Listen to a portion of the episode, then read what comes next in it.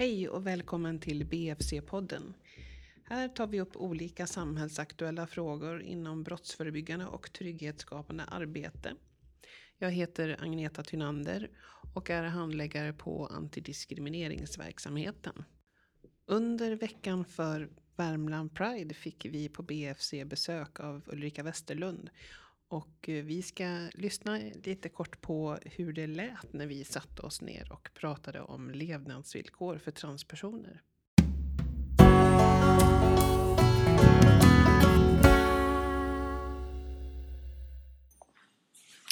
Med mig idag har jag Ulrika Westerlund som varit regeringskansliets särskilda utredare och som i slutet av förra året presenterade en omfattande utredning med rubriken Transpersoner i Sverige, förslag till stärkt ställning och bättre levnadsvillkor. Välkommen Ulrika! Tack så mycket! Vad kan du berätta om den här utredningen?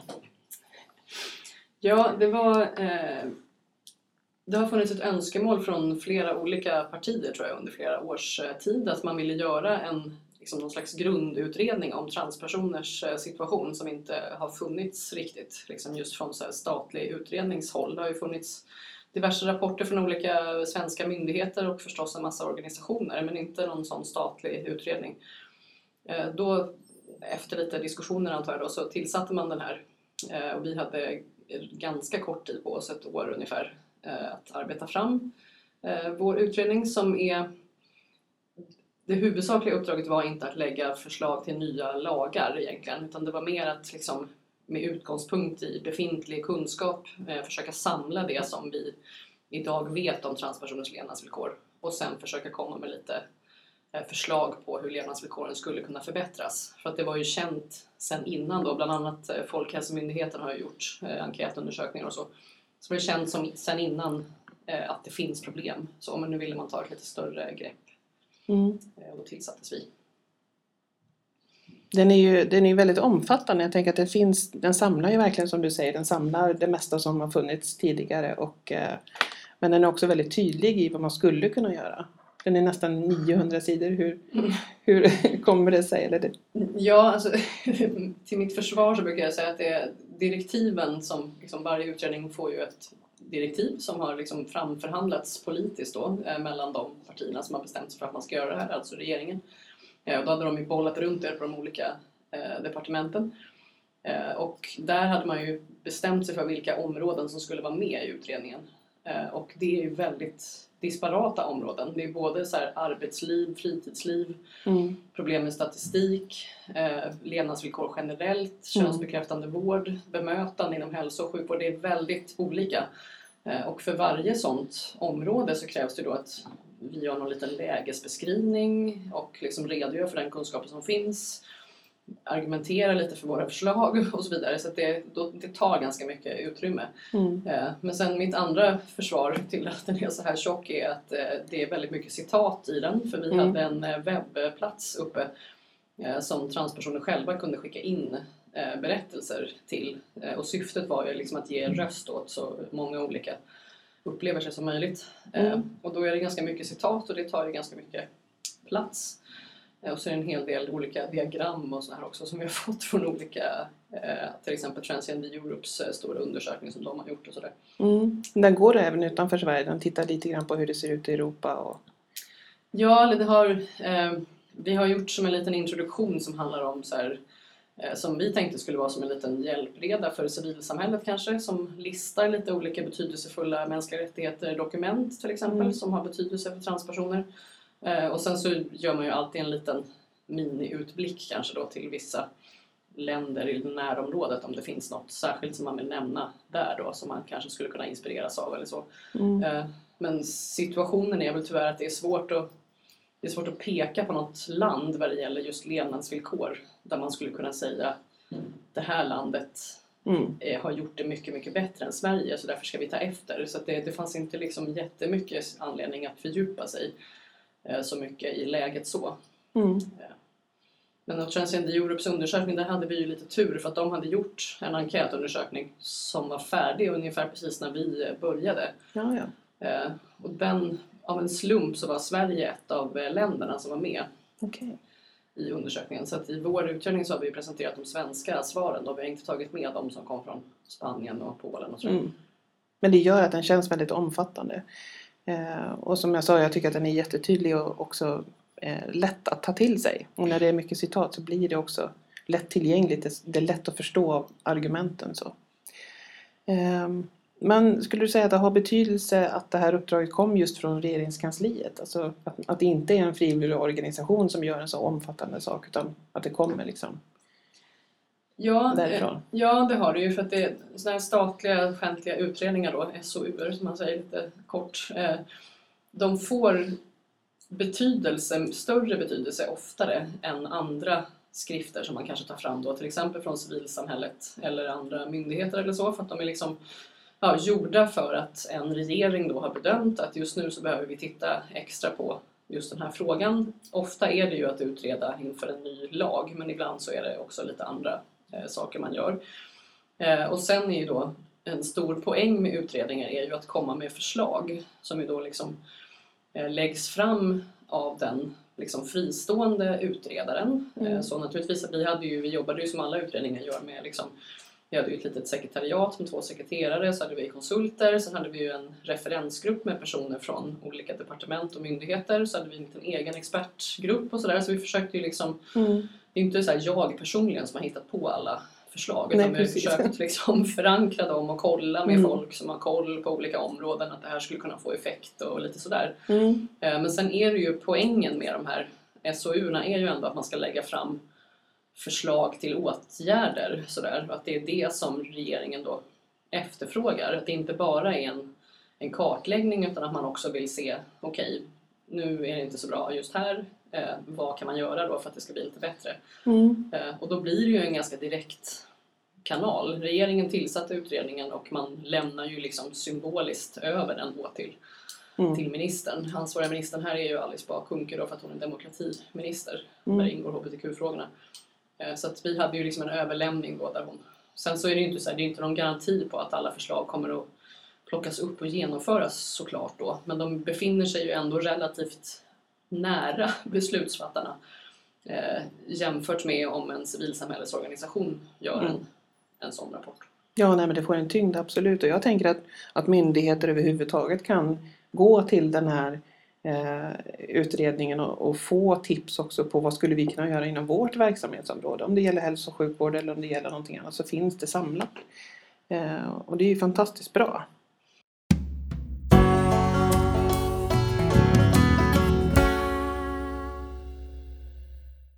Nu har ju du jobbat länge med transrelaterade frågor i olika former och sådär. Fanns det någonting under arbetet som du tyckte överraskade eller som du kände att oj, det här var vi inte beredda på?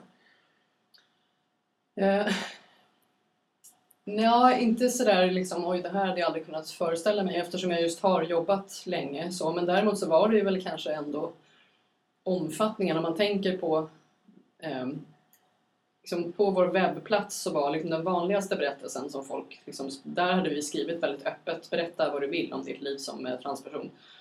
Eh, De vanligaste berättelserna handlade om problem med den könsbekräftande vården Mm. liksom den transspecifika vården, det var kanske hälften av berättelserna, tog Mm. upp det i någon form. Eh, och problem nummer två var eh, olika typer av administrativa problem som uppstår efter att man byter personnummer och juridiskt kön. Mm. Och liksom omfattningen och bredden så var ändå kanske lite värre än vad jag trodde. För jag, jag kanske trodde att det hade börjat, man hade kanske börjat få in någon rutin lite mer på Skatteverket men så verkar det ju absolut inte vara. Utan Mm. det var ju liksom en ändlös ändlös samling berättelser Mm. om alla möjliga typer av svårigheter eh, som uppstår för personer som har ändrat juridiskt kön. Eh, och vi, träffade, ja, vi träffade ju alla organisationer och sådär som jobbar för transpersoner, bland annat eh, eh, transföreningen FPES träffade vi och de hade tagit, gjort en, en person där hade gjort ett Excel-dokument där hon hade listat alla kontakter som hon hade tagit då med anledning av Mm. det ändrade personnumret. Den var ju liksom ja, 120 rader lång eller någonting sånt Oj. med olika Mm. och det var ju inte ens allt, liksom. det var bara som Nej. ett exempel på att det var påbörjat. Eh, så. Det är sånt som är svårt att, att sätta sig in i eller föreställa sig när folk pratar generellt om de här frågorna. Så kommer man ju nästan aldrig till de här enskilda sakerna som administrativa, liksom att man stöter på ett problem, systemet klarar inte av det här eller det blir fel här, konsekvenserna som är svåra att förutse. Ja. Eh, Men det finns ju också förslag till vad man skulle kunna göra. Ja, alltså just där så vet, jag tror ju ändå att vi kom lite längre, lite närmare vad problemet skulle kunna vara där på ett område. Eller Skatteverket upptäckte ju lite medan vi höll på med utredningen och vi hade alla kontakterna med dem så Mm. upptäckte de då en grej i deras interna system som eventuellt skulle kunna Mm. vara orsaken till åtminstone vissa av de här problemen. Det låter hoppfullt, eller hur? Ja. Hur, hur skulle du beskriva intresset för den här utredningen? Jag vet att du har varit på, på flera ställen och föreläst och sammanfattat lite grann vad, eh, vad den innehåller och sådär. Men Ja, ja, det har nog kanske överraskat mig för jag tycker att det har varit ett större intresse än vad jag trodde att det skulle vara. mm, Eh, Det är ju kul för att det, jag försöker också säga då att eh, alltså den vanligaste uppdragsgivaren till mig nu är en kommun eller ett landsting eller en region eller så. Eh, och då är ju en stor poäng i att vissa av de här sakerna som vi föreslår i utredningen kan man ju göra lokalt eller regionalt om man Precis. vill det. ja, Så, men statliga utredningar föreslår ju saker som staten skulle kunna göra. Så vi kan ju liksom inte säga så Västra Götalandsregionen eller någon annan region ska göra på ett visst sätt. Så. mm, Eh, Men däremot så är det ju fritt fram att göra det i alla fall på eget Mm. bevåg. Eh, Så det är ju roligt Eh, och det, det hoppas jag kanske lite på att det kan finnas liksom incitament till att göra, att vidta åtgärder liksom som kan få stor effekt mm, på vissa platser. Även om liksom, eh, ja, verkställandet av vissa av förslagen, även om det skulle dröja eller inte bli av, så finns det ändå möjlighet att göra saker som kan förbättra situationen, åtminstone för transpersoner just här då. mm, ja, Eh, precis. Finns det någonting, skulle, om du skulle skicka ett budskap, eller det här låter som en knepig fråga, men eh, om du skulle skicka ett budskap eller vilja säga någonting till transidentifierade personer i Värmland eller deras närstående, kan du, finns det någonting ur den här utredningen som, som man kan liksom... Alltså, det beror lite på om det, om det är personer som vill aktivista sig, liksom, så här, Mm. vad, liksom, driva transpolitiska frågor, så skulle jag liksom vilja uppmuntra till att det verkligen är fritt fram att använda den här utredningen. Jag vet att det är några som redan har gjort det på vissa platser, att man har liksom man tar helt enkelt lite text som, Mm. som är på ett område som man eh, vill driva någon fråga lokalt. Eh, Så gör man en egen liten broschyr eh, Mm. och så liksom citerar man friskt ur utredningen då. Här är bevis för att det här är dåligt och som vi också tycker är dåligt. Och så gör man en liten kravlista Ja, som man liksom tar till sina lokala beslutsfattare Mm.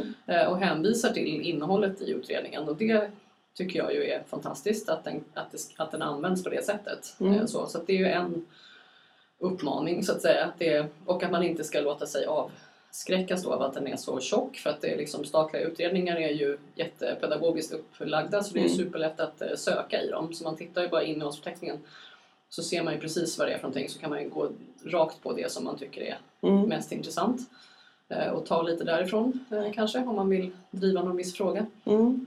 Så.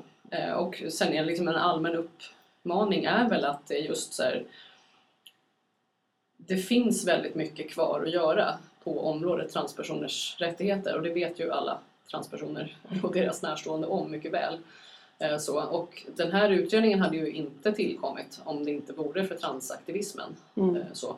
Och liksom många av de framsteg som har gjorts har ju hänt på grund av civila samhällets agerande och styrka på något sätt. Så det är liksom en allmän uppmuntran är väl mest att liksom, om man känner för att driva Mm. aktivism på området så ska man inte låta sig hållas tillbaka på något sätt utan det finns, ganska, det finns väldigt mycket att göra. Eh, så.